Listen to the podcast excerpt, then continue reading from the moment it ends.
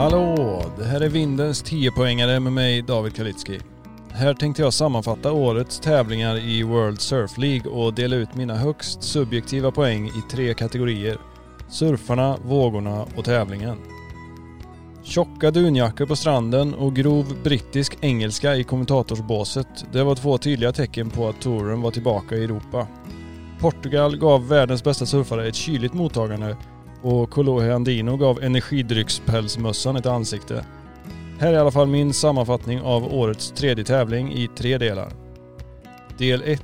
Vågorna. Peniche hälsade Bomb Dia direkt på öppningsdagen med tunga barrels som på beställning. Lite stökiga face inledningsvis men cleanade ju längre tävlingen pågick. Gröna sköna tuber rullade in konstant och vågorna får en klar 7 av 10. Del 2. Surfarna. Flera stjärnor som inte direkt glänste på Hawaii verkar känna sig mer hemma i Portugal.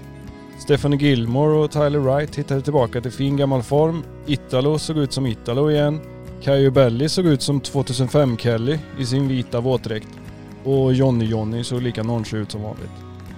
Många av, förutom den lokala jokern Afonso Noll Vågor Atunes då, presterade över förväntan så surfarna får en klar 8 av 10. Del 3, tävlingen.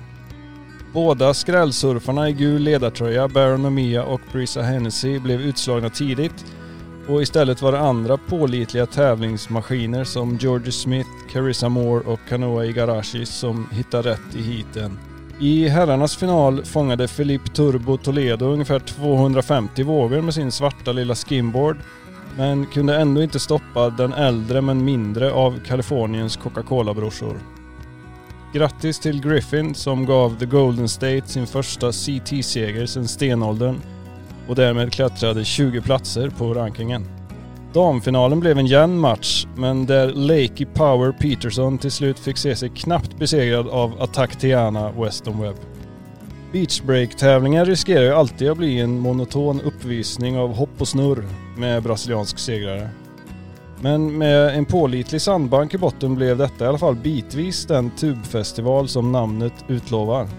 Glädjande för mig och de tre andra personerna i världen som inte heller gillar airs. Fina vågor till trots kändes det dock som den riktiga dramatiken saknades. Till slut blev allt mest en gröt av ganska ospännande hits.